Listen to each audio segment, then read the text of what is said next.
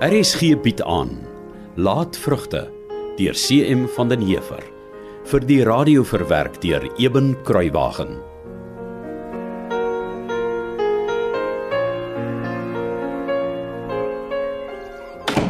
Beta! Koffie! Beta, waar's jy? Hier in die voorhuis sy brand. Ons het gaste. Maar jy's vroeg vandag, is al fout? Nee, ek's net dors. Sy brand, die ouderling is hier. Ja, ek dog ek herken nou Andri se perde in die kampie. Dis nou weer 'n gekollekteerder en jy weet hoe min geduld het ek daarmee. Die swart, nie hulle gaan hoor. Dis oor die kerk 'n hele spul sleghalters op die dorp aan die lewe moet hou. Ha! Almal te lui om te werk. En wat van die môre tot die aand niks anders kan doen as om in ander se oë te kyk vir almoses nie. En van die kansel af is al wat jy hoor, liefdadigheid voor en liefdadigheid agter. Jy sou sweer die hele volk moet met lepels gevoer word. Die ruggraat sal heel uit die vatse gelot uit. Dis tyd dat ek daai klein net met die Tamai pen geslag die waarheid loop vertel. Ek het myself nou skoon in 'n bedonsheid ingeskel. Sy brand asseblief bedaar my man. Ek sê nou vir jou. Al wat hulle kort kom is vroeg opstaan en hard werk. En die eerste een wat met sy klomp klagte en griewe begin, moet net eenvoudig gelooi word tot hy sy smoel hou. En Hoekom jy dan so blaas blaas hier by die voorhuis ingestorm, ou vriend?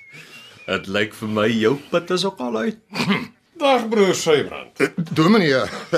Ja, dag. En hoe gaan dit met die boerdery? Lyk of dit so 'n bietjie droog word, né? Ja, lyk bra so.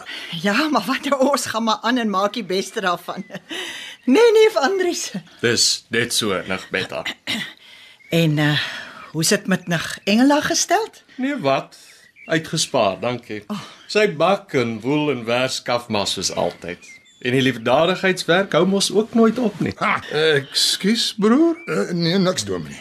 Oh, nig beta. Hoe kom jy tog met so 'n liewe, vriendelike man oor die weg? Ag nee, Andries. Nee, kyk, neef Sybrand lyk vir my mos altyd so kalm en bedaard. Of hy nie 'n vlieg tussen die mense blaaie sal doodslaan nie. Sulke mense maak mos nooit moeilikheid nie. Is daar fout broer? Nee, nee, dominee. Seker maar 'n stofie of iets in die keel. Die boonste veld waar ek vandag was is maar 'n bietjie droog. O, oh, ek sien. Ek moet sê neef Sybrand, toe jy Flissie so vriendelik hier by die voorhuis ingestap het, kon ek nie help om te wonder hoe jy in 'n manel sal lyk nie. Jy lyk my mos so uitgeknip vir 'n ouderling. Nee, ou vriend. Die manel het ek oor aan mense wat niks te doen het nie. Wat van leeg lê met groot koeipense moet sukkel. Ja. Dis nes jy sê, ou vriend. Daar's baie soorte mense nodig om die ou wêreld aan die gang te hou. Uh, Baie waar broers, baie waar, baie waar. Die met 'n groot maag, maar ook die wat soos 'n heiden lewe nooit meer in die kerk kom nie. Sy brand. Ek sal gou gaan koffie haal. Jy's seker al dood van die dors, my man.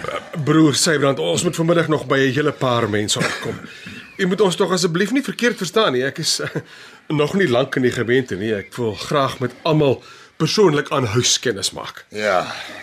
Uh, ek verneem dat u nooit meer kerk toe kom nie en dat u ook nooit meer aan 'n nagmaaltafel sit nie. Nee. Ek verstaan voorts dat u iets teen die uh, vorige leraar gehad het. Wel, ek laat my nie in 'n ding indwing nie en nog minder sal ek dat enige iemand my dreig. Dit spyt my van harte dat hy so ervaring in die kerk gehad het, broer. Maar daarom het ek vandag gekom, u weet, net om 'n bietjie te gesels. Kyk, ons kerk het almal nodig en sonder die kerk kan geen mens lewe nie. Ek wil tog so graag dat ons hierdie ding regmaak. Weet u, ek sal die gelukkigste man ter wêreld wees as ek een Sondag op die preekstoel klim en ek sien dat u weer op die plek sit in die kerk. Dominee, partykeer help Subat en smeek nie vir 'n krimpvark nie. Krimpvark? Ja, Dominee. Uit binne van alle kante wat jou steek. Alraad met hom is sit hom vir goed onder sensuur.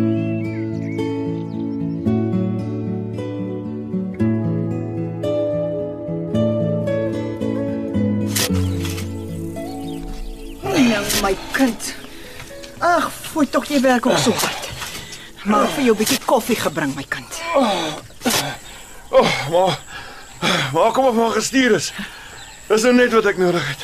Hoe het maar geweet? Oh, nee, ek het nie. Ek het van die mans af gevlug. Nee, Ah, dankie ma. Oh. Oh, lekker. Doen my nie en ouma Andri is nog altyd daar. ja, nog al die tyd. En met jou pa by kan jy dink hoe vrolik dit daar gaan, hè? O, oh, daar is daar enigiemand op hierdie aarde met wie pa oor die weg kom, ma. Ek twyfel my kind. Is oor pa dat ek en Johanna so swaar kry, ma. Waarvan praat jy, Henning? Ag, oom Jaap en tant Mita wil nie ek moet vir Johanna sien nie. O, oh, Ja, ek wou vir pa gaan sê hy is die man wat tussen my en Johanna staan, maar ag, dit sal die hele ding seker net erger maak. o oh, nee, dit sal. Moenie eers daaraan dink nie, Henning.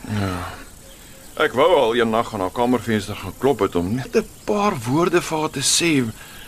Maar as oom Jaap my daar vang, maak dit seker dinge 10 keer erger vir Johanna. Ja, o nee, gewis. Jy kan nie sulke goed waag nie.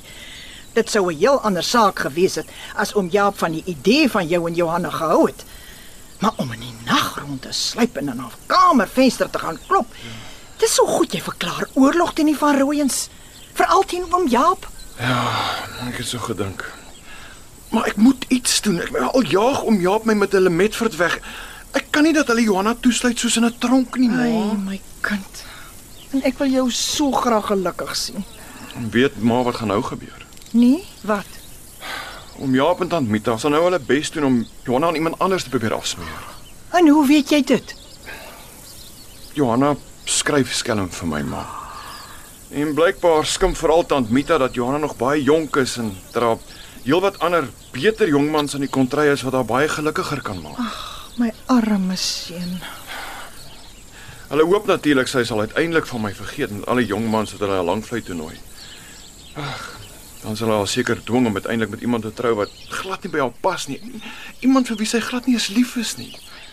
En dit alles net omdat pa met sy hardkoppigheid en beterweterigheid almal om hom wegjaag. Maar hy kom nie eens meer by sy bure nie. Ja, wat jy van jou pa sê is ongelukkig waar. Maar ek weet darm nie of oom Jaap hulle so ver sal gaan om vir Johanna te sê met wie sy moet trou nie. Ek is seker sy mag darm seker self iemand kies. Dis die ding, ma. Sy het. Sy het my gekies.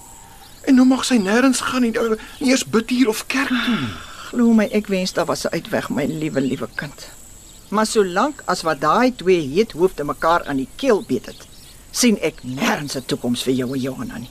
Ek dink dis tyd dat jy daarmee begin vrede maak voor julle albei te seer kry.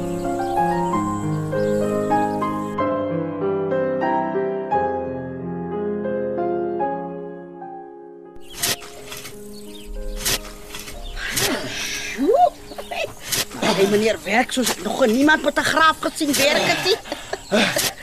Middag Nonnie. Ja, pa wil hier fyntuin gemaak het.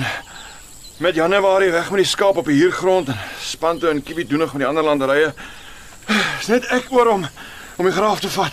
En Gehoor ek hier klaar maak hoe beter. Ja, nee, klein meneer Henning is 'n goeie mens. Die vrou wat vir klein meneer kry kan maar weet, sy sal ver soek om beter te kry. En die en kwas. Waar het jy hom uitgekrap? Klein meneer? Steek jy iets vir my weg? Soos soos wat nou klein meneer? Nee, hoe moet ek weet? Gaan jy weg? Nee, klein meneer. Hoe hoekom voel dit dan al vir my daar's iets verkeerd? Nee, nee, nee, gas klein meneer. Die sal ek nou nie kan sê nie. En uh hoe uh, gaan dit met oom Gert en tant Maria? Nee, nee, nee, goed klein meneer. Ek meen nou maar. Hulle is gesond en en al so aan eh, klein meneer weet. Maar Nee, maar niks. eh, Nonnie, jy steek iets vir my weg. Jy het van Sarah gehoor. Wat gaan 'n ander plank vlei? Klein meneer, ek weet nie baie nie. Maar jy het met Sarah gepraat, nê? Nee? Ek het klein meneer. Moenie wat, wat het sy gesê? Sy het baie gesê nie, klein meneer, maar net dat klein nooi Johanna baie hartseer was toe sy vir haar die brief gegee het. Daar's fout. Daar's fout. Ek sê 'n groot fout. O, asseblief klein meneer. My senuwees kan dit nie meer hou nie. Lees tog net die ou briefietjie dat ek ook kan weet wat aangaan. Ek bekommer my dood oor klein nooi Johanna. Nou mag jy dat ek hom oopmaak. O ja. Dis so klein meneer. En nee, jy sê nie jy of Sarah weet wat Johanna vir my geskryf het nie. Maar nog nooit die klein meneer. Nou goed. Uh, kom ons kyk wat sy skryf. My liefste Henning. Dit is my amper onmoontlik om so aan te gaan. My ouers maak die lewe ondraaglik. Van die môre tot die aand hou hulle my dop. Mense sê dat ek 'n gevaarlike bandiet is. Wat sê sy klein meneer? Jy praat te veel. Ek sê jou sê as ek klaar gelees het. Ag, klein meneer moet regtig leer om vinniger te lees. Nou nie bly nou stil of ek sê jou glad nie wat Johanna geskryf het nie. Ekskuus klein meneer. Ag, nou het ek my plek verloor. Ehm uh, uh, aha, gevaarlike bandiet is. Ek het al 'n hele paar briewe vir jou geskrywe wat ek by my rondgedra het, maar daar was nie die minste kans om hulle vir Sarah te gee nie. Toe moes ek hulle opskeer sodat pa of ma dit nie by my kry nie. Ek moet selfs my briewe skelm skelm skrywe want maak hom sommer enige tyd by my kamer ingewaai om te kyk of ek dit dalk vir jou skrywe nie. Sjoe. Wat klein meneer? Wag. Die lewe word vir my te swaar. Dit lyk amper nie die moeite werd om elke dag so aan te sukkel terwyl 'n mens verbied word om met die een te praat wat jy liefhet nie. Ja nee, ek stem saam. Ag, klein meneer, sê tog vir my ook asseblief. ek net eers klaar lees dan vertel ek jou alles. Waarom sou ons ouers tog so verkeerd wees en ons daaronder laat ly? As ek in die spieël kyk, kan ek sien hoe my gesig verval want ek eet omtrent nie meer nie. Ja, dit is nou een te veel. Ek tog is, ek wil so graag vra, maar ek sal liewerste maar nie. En dit laat pa nog kwaaier word. My senuwees. Wat vir my die ergste is, is die kastige ryk kerel wat my ouers hierheen aanlok. Jy ken hom seker. Dis Janie Kriek van Spitskop. Elke Saterdag aand is hy nou hier. En pa en ma hou my fyn dop om seker te maak dat ek vriendelik is met hom. En nou? Hoe raak klein meneer dan nou so bleek? Wat's fout?